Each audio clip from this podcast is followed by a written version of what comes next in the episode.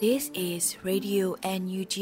the voice of National Unity Government of Myanmar, broadcasting for Myanmar's Spring Revolution. Radio NUG is transmitting from shortwave 16 meter 17.79 megahertz at 8:30 a.m. and 25 meter 11.94 megahertz at 8:30 p.m. Myanmar Standard Time. မင်္ဂလာပါရှင်။အမျိုးသားညီညွတ်ရေးအစိုးရရဲ့အတန်လွတ်ဌာန Radio NUG ကိုမန္တပိုင်း၈နိုင်ခွဲမှာလိုင်းတူ6မီတာ19.3ခွန်ကုန်းမဂါဟတ်စ်နဲ့ညပိုင်း၈နိုင်ခွဲမှာလိုင်းတူ25မီတာ17.3ကိုလီမဂါဟတ်စ်တို့မှာဓာတ်ရိုက်ဖမ်းယူနားဆင်နိုင်ပါပြီရှင်။မင်္ဂလာအပေါင်းနဲ့ပြည့်စုံကြပါစေ။အခုချိန်ကစပြီး Radio NUG စီစဉ်လေးကိုဓာတ်ရိုက်အတန်လွှင့်ပေးနေပါပြီ။ မြန်မာနိုင်ငံသူနိုင်ငံသားအပေါင်းတဘာဝပြီးဆရာနာရှင်ပြီးတို့ကနေကင်းဝေးပြီးကိုစိတ်နှစ်ပါးဘေးကင်းလုံခြုံကြပါစေလို့ရေဒီယိုအန်ယူဂျီဖွယ်သားများကဆုတောင်းမြတ်တာပို့သလာရပါတယ်။ခုချိန်ကစပြီးကာကွယ်ဝင်ကြီးဌာနရဲ့စီရေးသတင်းချင်းချုပ်ကိုတော့နှွေဦးလင်ကမှဖတ်ကြားတင်ပြပေးပါရမရှင်။ကာကွယ်ဝင်ကြီးဌာနအမျိုးသားညီညွတ်ရေးဆိုရမှာ နိုဝင်ဘာလ23ရက်နေ့2022ခုနှစ်ထုတ်ဝေတဲ့စီရေးသတင်းချင်းချုပ်ကိုတင်ဆက်ပေးတော့မှာဖြစ်ပါတယ်။စစ်ကောင်စီတပ်သား26ဦးသေဆုံးပြီး9ဦးထိခိုက်ဒဏ်ရာရရှိခဲ့ကြောင်းသတင်းရရှိပါတယ်ခင်ဗျာ။စစ်ကောင်စီနဲ့တိုက်ပွဲဖြစ်ပွားမှုသတင်းတွေကိုတင်ဆက်ပေးကြပါမယ်။ KNDK ပြည်နယ်မှာနိုဝင်ဘာလ12ရက်နေ့မနက်09:45မိနစ်အချိန်ခန့်ကဒီမော့ဆိုမြို့နယ်ဒေါငန်ခါကျွော်မှာတက်ဆွဲထားတဲ့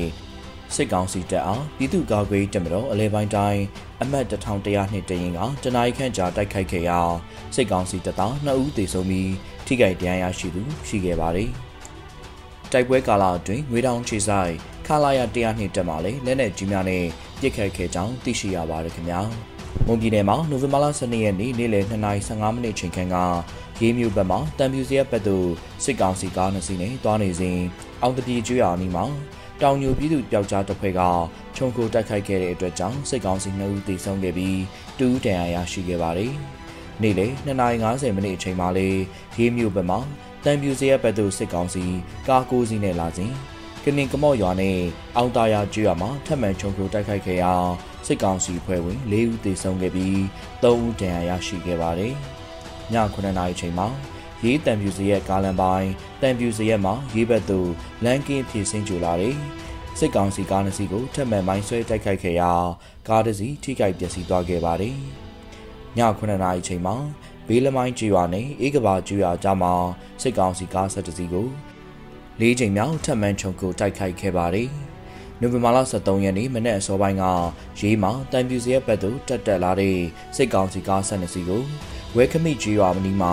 ၅ချိန်မြောက်တိုက်ခိုက်ခဲ့ပြီးထိခိုက်ကြဆုံးမှုအခြေအနေကိုမသိရှိရသေးကြောင်းသတင်းရရှိပါရခင်ဗျာမကွေးတိုင်းမှာနိုဝင်ဘာလ23ရက်နေ့မနက်ပိုင်းကရေစကြိုမြို့နယ်ရေလေကျွန်းဒေသသို့စစ်ကြောင်းထိုးဝင်ရောက်လာတဲ့စစ်ကောင်စီစစ်ကြောင်းကရွှေလန်ကျွော်သို့ဝင်ရောက်ကအကြမ်းဖက်မိရှို့ခဲ့ပြီးအဆိုပါစစ်ကောင်စီစစ်ကြောင်းအားရေစကြိုမြို့နယ်ရေလေကျွန်းဒေသရွှေလန်ကျွော်နဲ့စကိုင်းတိုင်းမြောင်မြို့နယ်မြစ်ဆုံကျွော်အကြားလမ်းပိုင်းတနေရာမှာ ဒေသကာကွယ်ရေးမဟာမိတ်ပူးပေါင်းတပ်ဖွဲ့များကစီးနင်းတိုက်ခိုက်ခဲ့တဲ့အတွက်ကြောင့်စစ်ကောင်စီတပ်သား9ဦးသေဆုံးခဲ့ကစစ်ကောင်စီတပ်သားထိခိုက်ဒဏ်ရာရရှိသူအရေးအတွက်များပြားခဲ့ကြောင်းသတင်းရရှိပါရခင်ဗျာနိုဝင်ဘာလ12ရက်နေ့မနက်9:00နာရီခန့်မှည9:00နာရီ10မိနစ်ချိန်ခန့်ထိနိုင်မြို့နယ်တရက်ကန်ကျွော်မှာတောင်ဘက်သုံးပါလုံးခန့်ကွာဒေသခံပြည်သူများပိုင်ဆိုင်တဲ့မြေပဲစိုက်ပျိုးထားရာရာကင်းများအတွင်းသို့မြေပဲလာရောက်နှုတ်ယူကအကြမ်းဖက်နေတဲ့ ပြူစောတိဆဲဦးအောင်ဒေသကာကွယ်မဟာမိတ်တပ်ဖွဲ့များဖြစ်တဲ့မြိုင် Underground Defense Force MUGDF ပြည်သူ့အာမန်ကာကွယ်တပ်ဖွဲ့မုံတိုင်းကာကွယ်တပ်ဖွဲ့တို့ပူးပေါင်းပြီးဝင်ရောက်စီးနင်းတိုက်ခိုက်ခဲ့ရာပြူစောတိဖွဲ့ဝင်6ဦးခန့်သေဆုံးခဲ့ပြီး3ဦးထိခိုက်ဒဏ်ရာရရှိခဲ့ကကြံတူးနဲ့အတူထွက်ပြေးလွတ်မြောက်သွားခဲ့ကြောင်းသတင်းရရှိပါရခင်ဗျာမန္တလေးတိုင်းမှာနိုဝင်ဘာလ23ရက်နေ့မနက်7:50မိနစ်အချိန်ခန့်ကတပိတ်ချင်းမြို့နယ် တကောင်း6မိုင်ရွာနဲ့အင်ပြန်ရွာကြားမှာစစ်ကောင်စီများပါတယ်ကားသိတစီအားပြည်သူ့ကာကွယ်တပ်ဖွဲ့ကြားညက်မှမိုင်းဆွဲတိုက်ခိုက်ခဲ့ကြောင်းသတင်းရရှိပါရခင်ဗျာတနင်္လာရီတိုင်းမှာနိုဝင်ဘာလ12ရက်နေ့မနက်9:30မိနစ်အချိန်ခန့်ကတဝယ်မြို့နယ်တဝယ်မြို့ဘဘဲမက်တက်တောင်နီမှာအင်အား80ပါစစ်ကောင်စီရင်နှန်း9စီနဲ့လန်ကင်းယူနေတဲ့တပ်သား100ခန်းတို့ကို T1 PDF တဝဲပကဖာနဲ့အော်အော်စစ်ကြောင်း ကော်တူးလေးအာမီတက်ခွဲသုံးတို့ပူးပေါင်း၍တိုက်ခိုက်ခဲ့ရာ10မိနစ်ကြာတိုက်ပွဲဖြစ်ပွားခဲ့ပြီးစစ်ကောင်စီတပ်သား9ဦးထပ်မံသေဆုံး၍အများအပြားတရားရရှိခဲ့ကြောင်းသတင်းရရှိပါရခင်ဗျာနိုဝင်ဘာလ12ရက်နေ့မနက်10:38မိနစ်အချိန်ခန့်ကဒဝဲမြို့နယ်ဝါကုံတင်ငန်းတုံးလမ်းမိုင်းတနေရာမှာပြည်သူ့ကာကွယ်တပ်များနဲ့စစ်ကောင်စီတပ်သားများတိုက်ပွဲဖြစ်ပွားခဲ့ကြောင်းသတင်းရရှိပါရခင်ဗျာဆက်လက်ပြီးစစ်ကောင်စီကကျူးလွန်တဲ့ရာဇဝတ်မှုတွေကိုတင်ဆက်ပေးကြပါမယ်။ KNY ကယားပြည်နယ်မှာနိုဝင်ဘာလ23ရက်နေ့မနက်8:50မိနစ်အချိန်ခန့်ကရိုက်ကော်မြို့နယ်ကုန်းဆွရွာသို့စစ်ကောင်စီဘက်မှတိုက်ပွဲဖြစ်ပွားခြင်းမရှိဘဲလက်နက်ကြီးများနဲ့ပစ်ခတ်ခဲ့တဲ့အတွက်ကြောင့်ကုန်းဆွရွာဖုံးကျောင်းတွင်ကြားရောက်ပေါက်ကွဲခဲ့ပြီးကိုဝင်ဆောင်တဲ့အမျိုးသမီးတူနဲ့အခြားမျိုးသမီးတူတို့ထိခိုက်ဒဏ်ရာရရှိခဲ့ကြောင်းသတင်းရရှိပါရခင်ဗျာ။မွန်ပြည်နယ်မှာနိုဝင်ဘာလ12ရက်နေ့ညနေ4:00နာရီခန့်ကရေးမြို့နယ်အောင်သားရကျွော် ရေးတံပြူစရဲ့ကားလမ်းပြီးရောဘာချန်များတဲ့သူစစ်ကောင်စီတပ်သားများဝင်လာပြီးရောဘာချန်တွင်းနေထိုင်သူများကိုစုခိုင်းကအမျိုးသားတူကိုတနက်နဲ့အကြောင်းမဲ့ပစ်ခတ်ခဲ့တဲ့အတွက်ကြောင့်တနက်နဲ့ပစ်ခံရတဲ့ရောဘာချန်လုံသားရဲ့ညာဘက်ပခုံးနဲ့ရင်ဘက်မှာ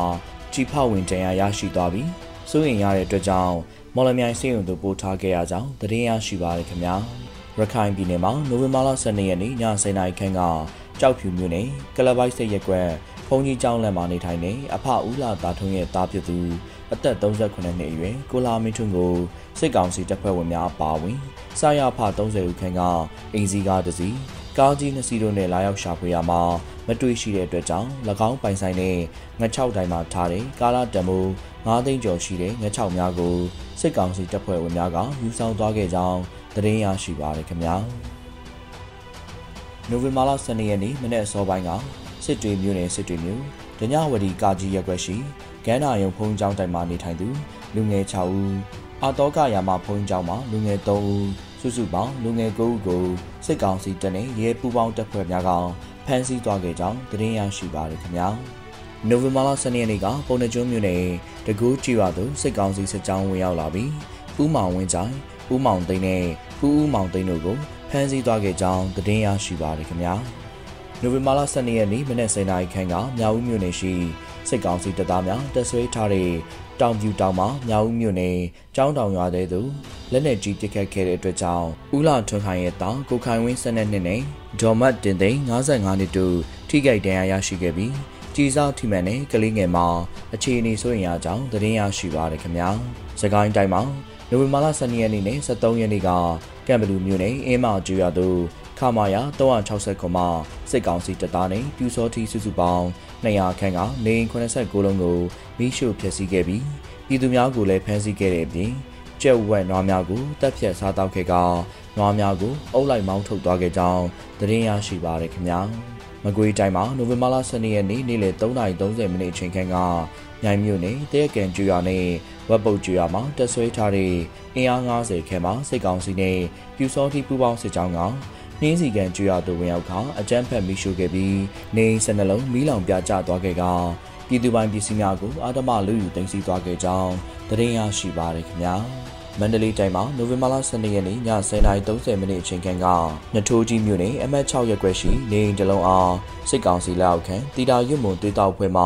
မီးရှို့ဖျက်ဆီးခဲ့ပါတယ်။ထို့နောက်အမှတ်9ရပ်ကွက်ရှိပန်းကန်ကော်လဖေးဆိုင်ပိုင်ရှင်ကိုမျိုးကျော်အားမတွေ့တဲ့အတွက်ကြောင့် အဖျော်ဆရာနဲ့အကျော်ဆရာတို့အားဖမ်းဆီးခေါ်ဆောင်သွားခဲ့ပြီးနောက်နထိုးကြီးမြို့အနောက်ဘက်တာတိုင်းကုန်းမှာတနက်နဲ့ပြစ်ခတ်ခဲ့ပါတယ်။အဆိုပါသွေးတောက်ဖွဲ့ကအမတ်လေးရက်ွက်ရှိမက်ဝေမုတ်ဆိုင်အားတောဖြဲ့ဝင်ရောက်ခါမိရှို့ဖျက်ဆီးခဲ့ပြီး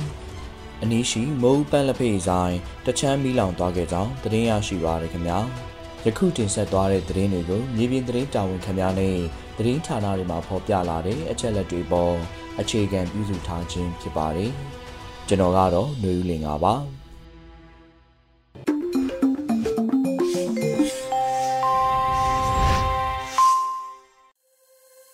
ရေဒီယိုညူချီမှာဆက်လက်တင်ပြနေပါတယ်။အခုဆက်လက်ပြီးနောက်ဆုံးရသတင်းများကိုຫນွေဦးမုံမှဖတ်ကြားတင်ပြပေးပါတော့မယ်ရှင်။မင်္ဂလာပါရှင်။ Radio Energy မနက်ခင်းပြည်တွင်သတင်းတွေကိုတင်ပြပေးသွားမှာဖြစ်ပါတယ်။ကျွန်မကတော့ຫນွေဦးမုံပါ။ စစစ်တပ်အာဏာသိမ်းယူခဲ့ပြီးနောက်တဘာဝတည်ရန်စာတများအားလက်လွတ်စပယ်ထုတ်ယူသုံးစွဲမှုအလွန်များပြားလာပြီးတဘာဝပတ်ဝန်းကျင်ကိုတိတိတသားထိခိုက်ပျက်စီးမှုများဖြစ်ပေါ်လာခဲ့တယ်လို့ယာယီသမရဒူဝါလက်ရှိလပြောကြားတဲ့တဲ့ရင်ကိုဦးစွာတင်ပြပေးပါမယ်။စစ်တပ်အာဏာသိမ်းယူခဲ့ပြီးနောက်တဘာဝတည်ရန်စာတများအားလက်လွတ်စပယ်ထုတ်ယူသုံးစွဲမှုအလွန်များပြားလာပြီးတဘာဝပတ်ဝန်းကျင်ကိုတိတိတသားထိခိုက်ပျက်စီးမှုများဖြစ်ပေါ်ခဲ့တယ်လို့ယာယီသမရဒူဝါလက်ရှိလကပြောကြားလိုက်ပါတယ်။အီဂျစ်နိုင်ငံရှမ်အယ်ရှိတ်မြို့မှာ 2022ခုနှစ်နိုဝင်ဘာ6ရက်နေ့မှ18ရက်နေ့ထိကျင်းပလျက်ရှိတဲ့ကုလသမဂ္ဂရာသီဥတုပြောင်းလဲမှုဆိုင်ရာမူပေါင်း Convention UNFCCC ဖွဲ့ဝင်နိုင်ငံများရဲ့28ကြိမ်မြောက်စီဝေး COP27 တို့မြို့သားညီညွတ်အစိုးရယာယီသမရဒူဝါလက်ရှိလာမှပေးပို့တဲ့တဝန်လွှာထဲမှာဆိုထားပါတယ်။မြန်မာနိုင်ငံသည်တဘာဝတည်ရစာတာများပေါ်ကျွယ်ဝသည့်နိုင်ငံဖြစ်တော်လဲဖွံ့ဖြိုးတိုးတက်မှုအ ਨੇ ဆုံးနိုင်ငံဖြစ်သည့်ဖြင့်ရာသီဥတုပြောင်းလဲမှုနှင့်ရေအားစနစ်ပျက်စီးမှုများကိုကာကွယ်ထိန်းချုပ်နိုင်စွမ်းကန့်သက်တာရှိသည့်အတွက် ဘာဝတည်ရစာတာများထိခိုက်ပျက်စီးဆုံးရှုံးမှုအမြင့်မားဆုံးနိုင်ငံများထဲတွင်ပါဝင်နေပါကြောင်း2021ခုနှစ်ဖေဖော်ဝါရီလ1ရက်နေ့စစ်ကောင်စီအရမအာဏာသိမ်းယူခဲ့သည့်အချိန်မှစပြီးတရားဥပဒေစိုးမိုးမှုမရှိသည့်အတွက်ဘာဝတည်ရစာတာများအားလက်လွတ်စပယ်ထုတ်ယူသုံးစွဲမှုမှာလွန်များပြားလာပြီးဘာဝပတ်ဝန်းကျင်ကိုတိတိတသားထိခိုက်ပျက်စီးမှုများဖြစ်ပေါ်လာခဲ့ရကြောင်းယာယီသမရကဆိုပါတယ်။ဒါအပြင်မြို့သားညီညွတ်ရေးအစိုးရတရားစာတာနှင့်သဘာဝပတ်ဝန်းကျင်ထိန်းသိမ်းရေးဝန်ကြီးဌာနအနေဖြင့် UNFCCC Convention တို့တင်ပြခဲ့သော မြို့သားစစ်ရာသီဥတုပြောင်းလဲမှုလျှော့ချရေးနှင့်တိုင်းရောညီထွေရှိစေရေးဆိုင်ရာကောင်းထည်ဖော်ဆောင်ရွက်မိလုပ်ငန်းအစီအစဉ် Nationally Determined Contributions NDC ကိုကောင်းထည်ဖော်ဆောင်ရွက်နိုင်ရန်စဉ်ဆက်မပြတ်ကြိုးပမ်းဆောင်ရွက်လျက်ရှိတယ်လို့လည်းယာယီသမရကဆိုထားပါတယ်ရှင်။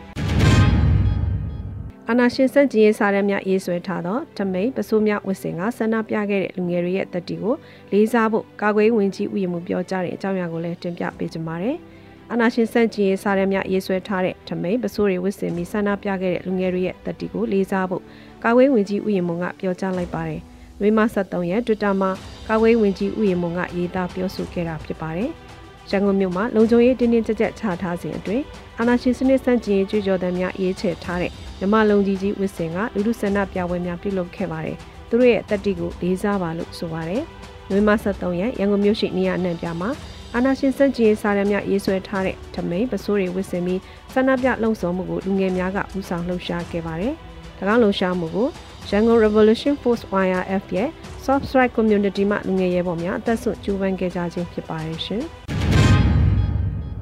ထူးအုပ်ချုပ်ရေးဒေသကနေတိုးချဲ့မှုများကိုဆောင်ရွက်နေပြီဖြစ်၍သက်ဆိုင်ရာလုံခြုံရေးတာဝန်ယူဆောင်ရွက်နေသူများလုံခြုံရေးအထူးပြုပြုရန်ပြည်ထောင်စုဝန်ကြီးဒေါက်တာဝင်းမြတ်အေးပြောကြားတဲ့သတင်းကိုလည်းတင်ပြပေးကြပါမယ်။ ထူးအုပ်ချုပ်ရေးဒေသကနေတိုးချဲ့မှုများကိုဆောင်ရွက်နေပြီဖြစ်လို့သက်ဆိုင်ရာလုံခြုံရေးတာဝန်ယူဆောင်ရွက်နေသူများလုံခြုံရေးအထူးပြုပြုရန်ပြည်ထောင်စုဝန်ကြီးဒေါက်တာဝင်းမြတ်အေးကပြောကြားလိုက်ပါတယ်။နွေမ73ရက်မြို့သားညီညွတ်ရေးအစိုးရဂျာကာလဒေသနာပြည်သူ့အုပ်ချုပ်ရေးဖော်ဆောင်မှုဗဟိုကော်မတီနဲ့ထူးအုပ်ချုပ်ရေးဒေသပြည်သူ့အုပ်ချုပ်ရေးဖွဲ့များတွဲဆုံဆွေးနွေးရမှာလူသားချင်းစာနာထောက်ထားရေးနဲ့ဘေးရန်ရေးဆိုင်ရာစီမံခန့်ခွဲဝန်ကြီးဌာနပြည်ထောင်စုဝန်ကြီးဒေါက်တာဝင်းမြတ်အေးကဆိုခဲ့ပါတယ်။ဒုအုပ်ချုပ်ရေးဒေသကနေတိုးချဲ့မှုများကိုဆောင်ရွက်နေပြီဖြစ်လို့ သက်ဆိုင်ရာလုံခြုံရေးတာဝန်ယူဆောင်ရွက်နေသူများအနေနဲ့လုံခြုံရေးအထူးပြုပြုရန်လိုအပ်ပြီးစ조사ဆောင်ရွက်လျက်ရှိသည်ကိုလည်းသိရကြောင်းရေပြင်ရှိဆောင်ရွက်နေသူများအားလုံးတွေ့ဆုံပွဲဖြစ်၍ရေပြင်ရှိအခက်အခဲတွေကိုဆွေးနွေးပြောကြားရန်နဲ့သက်ဆိုင်ရာဝန်ကြီးဌာနများမှလည်းတရင်အချက်လက်များကိုဖြည့်ရှင်းဆောင်ရွက်သွားရန်ဖြစ်ကြောင်းတော်လေးအရှိန်မြင့်လာသည့်နေ့များအထူးပြုပြုပြီးဖက်ဖက်ကဆောင်ရွက်ကြရန်ဖြစ်ပါကြောင်းဝန်ကြီးကဆိုခဲ့ပါတယ်။အိမ်နောက်တက်ရောက်လာကြသောဒူဝင်ကြီးများမှအမှားစကားများပြောကြားခဲ့ပါတယ်။ ဆက်လက်ပြီးအထူးအုပ်ချုပ်ရေးဒေသအတွင်းဗန္နာရေးလျှက်စစ်ဆက်သွယ်ရေးခုံကောက်ခံမှုကာကွယ်ရေးကျန်းမာရေးပညာရေးတရားစီရင်ရေးတရားစာတနှင့်တဘာဝပတ်ဝန်းကျင်ထိန်းသိမ်းရေးအပါအဝင်ကဏ္ဍလိုက်လုပ်ငန်းဆောင်ရွက်ထားရှိမှုများကိုဌာနဆိုင်ရာများမှရှင်းလင်းဆွေးနွေးခဲ့ပြီးထူအုပ်ချုပ်ရေးဒေသပြည်သူ့အုပ်ချုပ်ရေးဖွဲ့များမှရည်ပြင်းကြုံတွေ့နေရသည့်အခက်အခဲများနှင့်သိရှိလိုသည့်များကိုအပြန်အလှန်ဆွေးနွေးခဲ့ကြပါတယ်။စီဝေကိုထူအုပ်ချုပ်ရေးဒေသမှပြည်သူ့အုပ်ချုပ်ရေးဖွဲ့ခေါင်းဆောင်များဖွဲ့ဝင်များနဲ့ သက်ဆိုင်ရာဝန်ကြီးဌာနများမှဝန်ကြီးများဒုတိယဝန်ကြီးများအမြဲတမ်းအတွင်းဝင်များညွှန်ကြားရေးမှူးချုပ်များညွှန်ကြားရေးမှူးများတက်ရောက်ခဲ့ကြပါတယ်ရှင်။စစ်ကောင်စီရဲ့ကြမ်းဖက်မှုလုပ်ရများအားမှတ်တမ်းထောက်ထားများနဲ့တကွပေးဖို့အကြောင်းကြားနိုင်တယ်လို့တရားရေးဝန်ကြီးဌာနထုတ်ပြန်တဲ့သတင်းကိုလည်းတင်ပြပေးကြပါမယ်။စစ်ကောင်စီရဲ့ကြမ်းဖက်မှုလုပ်ရက်တွေကိုမှတ်တမ်းထောက်ထားများနဲ့တကွပေးဖို့အကြောင်းကြားနိုင်တယ်လို့ NUG တရားရေးဝန်ကြီးဌာနကထုတ်ပြန်လိုက်ပါတယ်။ ဝေမ73ရက်တရားရေးဝန်ကြီးဌာနတရားဥပဒေစိုးမိုးရေးနဲ့တွင်ကူပြောင်းရေးကာလတရားမျှတမှုဆိုင်ရာဦးစီးဌာနကအတီးလင်းကြေညာခဲ့ပါတယ်။မြို့သားညီညွတ်ရေးအစိုးရတရားရေးဝန်ကြီးဌာနတရားဥပဒေစိုးမိုးရေးနဲ့တွင်ကူပြောင်းရေးကာလတရားမျှတမှုဆိုင်ရာဦးစီးဌာနအနေဖြင့်ဂျာကာလအတွင်းတရားဥပဒေစိုးမိုးရေးနဲ့တတရားမျှတမှုလုပ်ငန်းစဉ်များကိုကြိုးပမ်းအားထုတ်ဆောင်ရွက်လျက်ရှိပါတယ်။ဦးစီးဌာနရဲ့လုပ်ငန်းစဉ်များဖြစ်သောစစ်ကောင်စီ၏အကြမ်းဖက်မှုများစစ်တမ်းကောက်ယူခြင်းစစ်ဘက်ဆိုင်ရာဥပဒေပြည်သူ့ကာကွယ်ရေးတပ်ဖွဲ့ဆိုင်ရာဥပဒေများ စစ်ဘက်ဆိုင်ရာအမှုများနဲ့ဆက်လျင်းသည့်လုပ်ငန်းစဉ်တွေပူးပေါင်းထောက်ကူခြင်းဥပဒေအသိပညာပေးခြင်းတရားဥပဒေစိုးမိုးရေးလုပ်ငန်းစဉ်များနဲ့ပြည်သူတို့၏နေနာမှုများအားအကာအကွယ်ပေးခြင်းပြန်လည်ကုစားပေးခြင်းတို့ကိုဖော်ဆောင်ကြရမှာဖြစ်ပါတယ်။ပြည်သူများနေဖြင့်မိတို့နယ်မြေဒေသများအတွင်းဖြစ်ပွားလျက်ရှိသောစစ်ကောင်စီအကြမ်းဖက်မှုလုပ်ရများအား၎င်းလက်နက်ကိုင်အစုဖွဲ့များ၏မတော်မတရားပြုကျင့်မှုများအား၎င်းထိခိုက်နေနာမှုများဆုံးရှုံးမှုများအား၎င်းဖြစ်စဉ်အကျိုးကြောင့်မှတ်တမ်းအထောက်အထားများနှင့်တကွယုံကြည်စိတ်ချစွာဖြင့်ပေးပို့ကြောင်းကြားခြင်းဖြင့် ပူးပေါင်းပါဝင်ပေးကြစေလိုပါတယ်လို့ဖော်ပြပါတယ်။ပေးပို့သူများ၏သတင်းအချက်လက်လုံးစုံမှုကိုအထူးလေးထားဆောင်ရွက်သွားကြမည်ဖြစ်ပြီးဆက်သွယ်ပေးပို့ရဲ့ email လိပ်စာများမှာ roldjd@mojnugmyanmar.org tintunthein@moj.nugmyanmar.org Signal Telegram Viber နံပါတ်များမှာ +66948820642 တို့ဖြစ်ပါတယ်ရှင်။စီးပွားရေးနဲ့ကုသရေးဝန်ကြီးဌာနနဲ့မြန်မာဟိန္ဒူစီယုံမြန်မာဟိန္ဒူယူနီယံတို့တွဲဆုံတဲ့သတင်းကိုလည်းတင်ပြပေးကြပါမယ်။စီးပွားရေးနဲ့ကုသရေးဝန်ကြီးဌာနနဲ့မြန်မာဟိန္ဒူစီယုံမြန်မာဟိန္ဒူယူနီယံတို့တွဲဆုံခဲ့တယ်လို့သတင်းရရှိပါတယ်။မြို့သားညီညွတ်အစိုးရစီးပွားရေးနဲ့ကုသရေးဝန်ကြီးဌာနဟာ2022ခုနှစ်နိုဝင်ဘာလ12ရက် ဆီယနာရှင်စန့်ကျင်ရေးဆောင်ရွက်လျက်ရှိသောမြန်မာဟိန္ဒူစီယုံ MHU နဲ့တွဲဆုံဆွေးနွေးခဲ့ပါတယ်။ဆွေးနွေးပွဲမှာစီးပွားရေးနဲ့ကုသရေးဝန်ကြီးဌာန MOC မှာပြည်ထောင်စုဝန်ကြီးဒေါက်ခင်မမမျိုးတွဝင်များနဲ့ဌာနတည်တည်မှတာဝန်ရှိသူများတက်ရောက်ခဲ့ကြပြီးစီးပွားရေးနဲ့ကုသရေးဝယ်ရေးဝန်ကြီးဌာနရဲ့လုပ်ငန်းဆောင်ရွက်ချက်များရှင်းလင်းပြောကြားခဲ့ပါတယ်။ဆက်လက်ပြီးမြန်မာဟိန္ဒူအစည်းအရုံး MHU ရဲ့တာဝန်ရှိသူများနဲ့နိုင်ငံတည်တည်မှတက်ရောက်လာတဲ့အစည်းအရုံးဖွဲ့ဝင်များကဝန်ကြီးဌာနရဲ့ဆောင်ရွက်ချက်များပေါ်ကြံပြုဆွေးနွေးခဲ့ကြပါတယ်။ တော်လေးအောင်မြင်မှုအတွက် MOC ရဲ့စီးပွားရေးကဏ္ဍအတွက်အကောင့်ထဲပေါ်ဆောင်ရွက်မှုများမှာဆက်လက်အားဖြင့်ကူညီဆောင်ရွက်သွားမည်ဖြစ်ကြောင်းတင်ပြဆွေးနွေးခဲ့တယ်လို့သတင်းရရှိပါရရှင်။ပညာရေးကော်မတီရန်ကုန်တိုင်းလွှတ်တော်ကိုစားပြုကော်မတီ CR1H ရဲ့ချိတ်ဆက်ကူညီထောက်ပံ့ပေးမှုနဲ့ကျန်းမာရေးအရေးပေါ်အကူအညီလိုအပ်နေတဲ့စီဒီအမ်ပညာရေးဝန်ထမ်းဆရာဆရာမဆယ်ဦးကိုတဝူလီရဲ့တသိန်းကျန်နှုန်းဖြင့်ထောက်ပံ့ချီးမြှင့်တဲ့သတင်းကိုလည်းတင်ပြပေးကြပါမယ်။ပညာရေးကော်မတီ ရန်ကုန်တိုင်းလွှတ်တော်ကိုစားပြုကော်မတီ CR1H ရဲ့ချိတ်ဆက်ကူညီထောက်ပံ့ပေးမှုနဲ့ကျန်းမာရေးအရေးပေါ်အကူအညီလိုအပ်နေတဲ့စီဒီအမ်ပညာရေးဝန်ထမ်းဆရာဆရာမဆယ်ဦးကိုတဝူလီရဲ့တသိန်းကျန်နှုန်းဖြင့်ထောက်ပံ့ချီးမြှင့်ခဲ့ပါတယ်။လွေမ73ရက်နေ့မှာစီဒီအမ်ပညာရေးဝန်ထမ်းတဦးကအတည်ပြုဆိုထားပါတယ်။၎င်းတိုင်းတွင်းရှိမြို့နယ်များမှကျန်းမာရေးရေးပေါ်အကူအညီလိုအပ်နေသောစီဒီအမ်ပညာရေးဝန်ထမ်းဆရာဆရာမ10ဦးကိုတဦးလျင်တသိန်းကျပ်နှုန်းဖြင့်10သိန်းကျပ်တီတီကိုမြို့နယ်ပညာရေးဘုတ်ဖွဲ့များမှတဆင့်ထောက်ပံ့ချီးမြှင့်ပေးနိုင်ခဲ့ပါတယ်လို့ဆိုပါတယ်။ လွန်ခဲ့တဲ့အောက်တိုဘာလကလည်း CR1H ရဲ့ချိတ်ဆက်ကူညီပေးမှုနဲ့ရန်ကုန်တိုင်းတွင်ရှိဖန်စီခံရတဲ့မြို့သမီးပညာရေးစီဒီအမ်ဝန်ထမ်း6ဦးအတွက်ကိုတဦးလျက်9000နှုန်းနဲ့3သိန်းကျပ်မြို့နယ်ပညာရေးဘုတ်ဖွဲ့များမှတဆင့်ထောက်ပံ့ကူညီနိုင်ခဲ့ပါတယ်ရှင်။ဗမာပြည်သူလူမျိုးရေးတပ်တော် PPL လေးမှာပတ်စင်9အတွက်တင်နန်းသားတင်များခွဲယူတဲ့သတင်းကိုဆက်လက်တင်ပြပေးပါမယ်။ဗမာပြည်သူလူမျိုးရေးတပ်တော် PPL လေးမှာပတ်စင်9အတွက်တင်နန်းသားတင်များခွဲယူနေပြီဖြစ်ပါတယ်။ လွေမှာ73ရက်နေ့မှာဗမာပြည်သူလူမျိုးရေးတပ်တော် PPL လေးမှာတရားဝင်အသိပေးကြေညာခဲ့ပါတယ်။ပတ်စင်9အတွက်တင်နန်းသားများခေါ်ယူနေပါပြီ။ Page Messenger မှာစုံစမ်းမေးမြန်းနိုင်ပါတယ်လို့ဆိုထားပါတယ်။ကာကွယ်ဝင်ကြီးဌာန MOD ပြည်သူ့ကာကွယ်ရေးတပ်မတော် PDF နဲ့ဗမာပြည်သူ့လူမျိုးရေးတပ်တော် PPL တို့ကြားတပ်ဆိုင်ရာဒေသများမှာစီရေးရပူးပေါင်းဆောင်ရွက်သွားကြရန်နဲ့နိုင်ငံရေးအပြန်လည်လေးစားမှုအတိမတ်ပြုမှုတို့ဖြင့်အတူတကွလက်တွဲဆောင်ရွက်သွားကြရန်အောက်တိုဘာ26ရက်နေ့မှာသဘောတူညီခဲ့ကြပါတယ်ရှင်။ ထိုင်းနိုင်ငံတခိုင်ကဲဖဲပင်မှာအထောက်ထားမဲ့မြန်မာလူသမားများကားတိတ်မှောက်သေးဆုံးမှုအတွက်အာမခံအကျိုးခံစား권ဘတ်နှစ်တန်ကျော်ပြေဝရရှိအောင်ကူညီဆောင်ရွက်ပေးနိုင်ခဲ့တဲ့သတင်းကိုဆက်လက်တင်ပြပေးပါမယ်။ထိုင်းနိုင်ငံတက်ခိုင်ကဲဖဲပင်မှာထောက်ထားမဲ့မြန်မာလူသမားများကားတိတ်မှောက်သေးဆုံးမှုအတွက်အာမခံအကျိုးခံစား권ဘတ်နှစ်တန်ကျော်ပြေဝရရှိအောင်ကူညီဆောင်ရွက်ပေးနိုင်ခဲ့တယ်လို့သိရပါတယ်။လွေမှာ73ရက်နေ့မှာအလုပ်သမားဝန်ကြီးဌာနကသတင်းထုတ်ပြန်ပါတယ်။ထိုင်းနိုင်ငံတက်ခိုင်ကဲဖဲပင်မှာ ထောက်ထားမဲ့မြန်မာလူသမားများတင်ဆောင်လာတဲ့ကားတိတ်မှောက်တာကြောင့်2021ခုနှစ်နိုဝင်ဘာ17ရက်နေ့မှာအလုသမား3ဦးသေဆုံးခဲ့တဲ့ကိစ္စနဲ့ဆက်လင်းပြီးကျရည်သူမိသားစုတွေကိုအာမခံအကျိုးခံစား권များပြေဝရရှိစေရန်အတွက်မြို့သားညီညွတ်ရေးအစိုးရအလုသမားဝန်ကြီးဌာနဟာကိုရဲမင်းတောင်ခံဦးဆောင်တဲ့ AAC မဟာမိတ်အဖွဲ့ကိုတာဝန်ပေးအပ်ခဲ့ပြီး2022ခုနှစ်နိုဝင်ဘာလ3ရက်နေ့မှာသေဆုံးသူထောက်ထားမဲ့အလုသမား2ဦးရဲ့အာမခံအကျိုးခံစား권တဦးလျင်ဘတ်10သိန်း5000နှုန်းနဲ့စုစုပေါင်းဘတ်22သိန်းကို ကိုရဲမင်းတောင်ငန်ဦးဆောင်တဲ့ AAC မဟာမိတ်အဖွဲ့မှကျန်းရည်သူမိသားစုများထံသို့ပေးအပ်ပြီးဖြစ်ကြောင်းနဲ့ကြန့်ရှိသူတို့ရဲ့အာမခံအကျိုးခံစား권နဲ့ပတ်သက်ပြီးဆက်လက်ဆောင်ရွက်လျက်ရှိတယ်လို့ဖော်ပြပါတယ်။စစ်နာသိန်းရဲ့ကျိုးပန်းမှုရဲ့အကျိုးဆက်အရာဖြစ်ပေါ်လာတဲ့ဖိနှိပ်မှုများလောက်ကိုင်းရှားပါမှုများမိသားစုစားဝတ်နေရေးအခက်အခဲများကုန်စည်နှုန်းကြီးလာမှုနဲ့ဝေကြေးဖောင်းပွားလာမှုကြောင့်ထိုင်းနိုင်ငံသို့လောက်ကိုင်းရှားဖွေလောက်ကိုင်းရဲ့မြို့မျိုးသောလမ်းကြောင်းများဖြင့်တွားရောက်ခဲ့တဲ့ထောက်ထားမဲ့မြန်မာအလုပ်သမားများကားတိတ်မှပေးဆုံးတဲ့အတွက် အာမခံအကျိုးခံစား권များရရှိအောင်ပူးပေါင်းဆောင်ရွက်ပြီးတော့သက်ဆိုင်ရာထိုင်းနိုင်ငံအစိုးရဌာနများပုဂ္ဂလိကကားအာမခံကုမ္ပဏီကိုရဲမင်းတောင်ငံဦးဆောင်တဲ့ AAC မဟာမိတ်အဖွဲ့နဲ့ပူးပေါင်းဆောင်ရွက်ပေးသူများအားမြို့သားညီညွတ်ရေးအစိုးရလူသမားဝန်ကြီးဌာနမှမှတ်တမ်းတင်ဂုဏ်ပြုအပ်ပါတယ်လို့ဆိုပါတယ်ရှင်။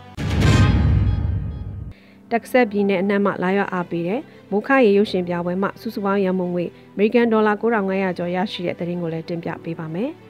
အမေရိကန်နိုင်ငံတက်ဆက်ပြည်နယ်အနှံ့မှလာရောက်အားပေးတဲ့မိုးခရေရုပ်ရှင်ပြပွဲမှာစုစုပေါင်းရန်ပုံငွေအမေရိကန်ဒေါ်လာ9500ကျော်ရရှိခဲ့ပါတယ်။နွေမ12ရက်နေ့အတောက်မီသောမုခရဲ့ရုပ်ရှင်အောင်မြင်စွာပြသပြီးစီးခဲ့တယ်လို့သတင်းရရှိပါတယ်။တရားအားပေးကြည့်ရှုသူတရားကျော်ရှိပြီးတက်ဆက်ပြည်နယ်နဲ့မှလာရောက်အားပေးကြကရိုးရအစားတောင်များကလင်နာဟူဒီနဲ့ဒီရှန်များရောင်းချပေးခဲ့ပါတယ်။ရုပ်ရှင်နှစ်ပွဲပြသရာဒရိုက်တာကိုပေါဇွန်မတက်ရောက်နှုတ်ဆက်စကားပြောကြားခဲ့ပါတယ်။ဒါအပြင်ဒရိုက်တာကိုပေါဆွဲထားတဲ့ စင်စွဲအပြည့်နဲ့ပင်လက်ပကြီးကားလေးလံပြရမှာအမေရိကန်ဒေါ်လာ1000ရရှိခဲ့ပြီးတော့စုစုပေါင်းရန်မငွေအမေရိကန်ဒေါ်လာ9500ကျော်ရရှိခဲ့ပါတယ်ရှင်။ဩစတြေးလျနိုင်ငံစစ်ဒနီမြို့မှာနိုဝင်ဘာလ20ရက်နေ့မှာစကိုင်းတိုင်းအတွက်ရန်မုံငွေဈေးရောင်းပွဲတော်ကျင်းပမယ့်တဲ့ရင်ကိုလည်းတင်ပြပေးပါမယ်။ဩစတြေးလျနိုင်ငံစစ်ဒနီမြို့မှာနိုဝင်ဘာ20ရက်နေ့မှာစကိုင်းတိုင်းအတွက်ရန်မုံငွေဈေးရောင်းပွဲတော်ကျင်းပမယ်လို့သတင်းရရှိပါရယ်။စ ကိုင်းတိုင်းတွင်မှာလိုအပ်နေတဲ့နေရာတွေကိုထောက်ပံ့နိုင်မှုရန်မုံငွေဈေးရောင်းပွဲတစ်ခုကိုနိုဝင်ဘာ20ရက်တနင်္ဂနွေနေ့မှာကျင်းပသွားမှာဖြစ်ပါတယ်။၎င်းနေ့မှာမနက်9:00နာရီကနေမွန်းလယ်12:00နာရီခွဲထိကျင်းပမှာဖြစ်ပြီးတော့စစ်တနီရှိပြည်အောင်စုပွားများလာရောက်အားပေးကြဖို့ဖိတ်ကြားထားပါတယ်။ဂျမ်ဘတ်စီအုပ်စုကိုမြစ်ပြတ်ချေမှုန်းဖို့တော်လန်တိုက်ပွဲဆင်နွှဲနေရဒေသတွေမှာစကိုင်းတိုင်းနေလည်းအဓိကကျတဲ့ဒေသတစ်ခုဖြစ်ပါဝင်ပြီးတော့စစ်ကောင်စီကလည်းစကိုင်းတိုင်းအတွင်းဝင်ရောက်တိုက်ခိုက်မှုတွေကျင်းရွာတွေကိုမိရှုဖျက်ဆီးမှုတွေအရှိန်မြင့်ပြီးလှုံ့ဆော်လာနေတာဖြစ်ပါတယ်ရှင်။ ခုတင်ပြပေးခဲ့တဲ့သတင်းတွေကိုတော့ Radio Energy သတင်းတောက်မင်းမင်းကပေးပို့ထားတာဖြစ်ပါတယ်ရှင်။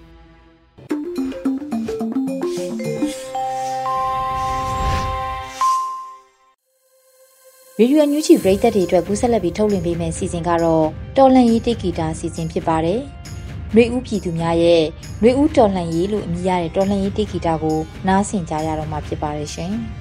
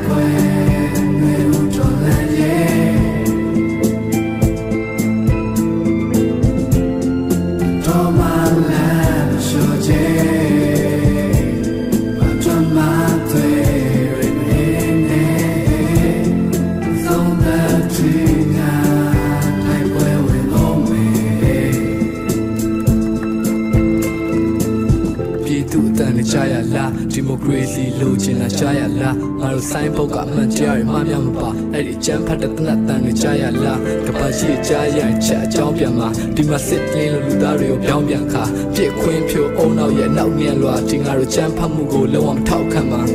လူသားချင်းလာပြီးတော့အာနာမဆန်တဲ့မင်းတို့ထက်တတရှိရဲ့ပြည်သူကဘာမခံခဲ့အရှိမကြီးစံနေဖြစ်နေမယ်ရှောင်ကြည်မှုတွေလျှော်တော့တည်င်းမားတွေပြောကအုံနောက်ချင်းချနေတော့မြမမြမပြည်ရှိထပ်ဖို့လူသားရေးပါဒီတစ်ခါလွတ်လပ်ခြင်းဝိညာဉ်တွေကိုကူသားရေးပါငါတို့ပေးတဲ့တည်င်းချက်အလက်တွေစုထားရေးပါကျေးဇူးပြုရဲ့ကြမ်းဖတ်မှုတွေရှူသွားရေးပါမြမပြည်ပေါ်က Don't want quit change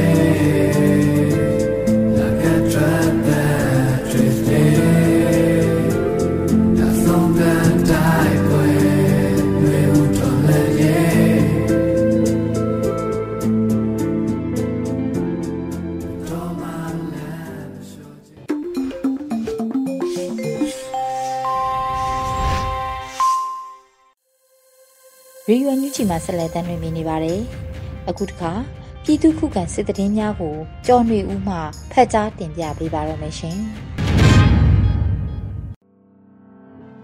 ပထမအဦးဆုံးအနေနဲ့ရွှေဘိုကညနာယုံကစစ်ကောင်စီတပ်40မမဘုံပစ်လောင်ချာနဲ့ပြစ်ခတ်ခံရတဲ့တဲ့ရင်ကိုတင်ဆက်ပါမယ်။စကိုင်းတိုင်းရွှေဘိုမြို့ကလိုင်စင်ယုံကညနာမှာတက်ဆွဲထားတဲ့စစ်ကောင်စီတပ်တွေကိုနိုဝင်ဘာ12ရက်နေ့မှာ40မမဘုံပစ်လောင်ချာနဲ့ပြစ်ခတ်တိုက်ခိုက်ခဲ့တယ်လို့ Black Wolf PDF ထံကနေသိရှိရပါတယ်။လိုင်စင်ယုံကညနာကို40မမဘုံသီးလေးလုံးနဲ့ပြစ်ခတ်တိုက်ခိုက်ခဲ့ပြီးရုံးဝန်းတွေကစစ်ကောင်စီဘန်ကာနဲ့ရုံးအမိုးပေါ်တွေကိုကြားရောက်ပောက်ကွဲခဲ့ကစစ်ကောင်စီတပ်သား2ယောက်သေပြီးထိခိုက်ဒဏ်ရာရသူတွေလည်းရှိတယ်လို့ထုတ်ပြန်ပါတယ်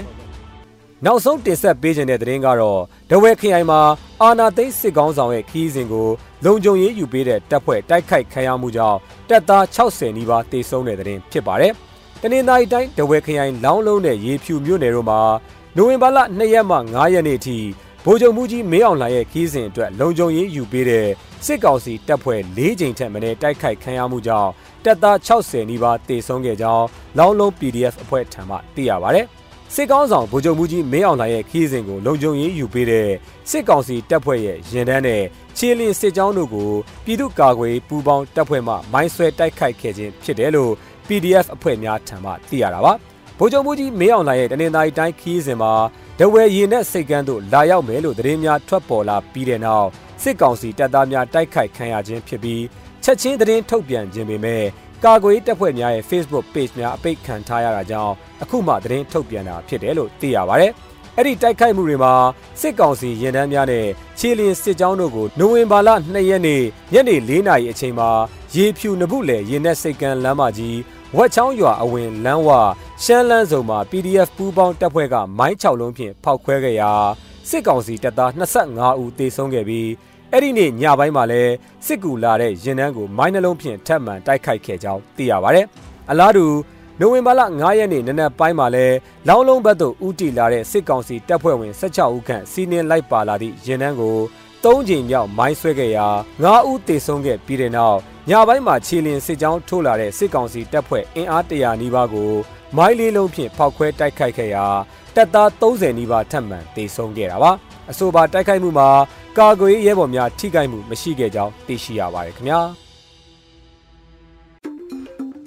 ဒီကနေ့ကတော့ဒီညနေပဲ Radio NUG ရဲ့အစီအစဉ်လေးကိုခေတ္တရ延လိုက်ပါမယ်ရှင်မြန်မာစံတော်ချိန်မနေ့၈နိုင်ခွဲနဲ့ည၈နိုင်ခွဲအချိန်တွေမှာပြောင်းလဲဆိုပြကြပါလို့ရှင် Radio NUG ကိုမနေ့ပိုင်း၈နိုင်ခွဲမှာ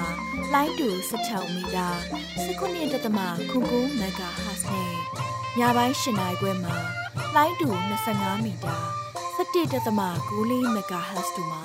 ဓာတ်ရိုက်ဖမ်းယူ နာဆင်နိုင်ပါပြီရှင်။မြန်မာနိုင်ငံသူနိုင်ငံသားများကိုယ်စိတ်နှပြချမ်းမာချမ်းသာလို့ဘေးကင်းလုံခြုံကြပါစေလို့ Radio NUG ရဲ့ဖွဲ့သူဖွဲ့သားများကဆုတောင်းလိုက်ရပါတယ်။ San Francisco Bay Area အခြေစိုက်မြန်မာမိသားစုများနဲ့နိုင်ငံတကာကစေတနာရှင်များလို့အားပေးများရဲ့ Radio NUG ဖြစ်ပါတယ်ရှင်။အရေးတော်ပုံအောင်ရမည်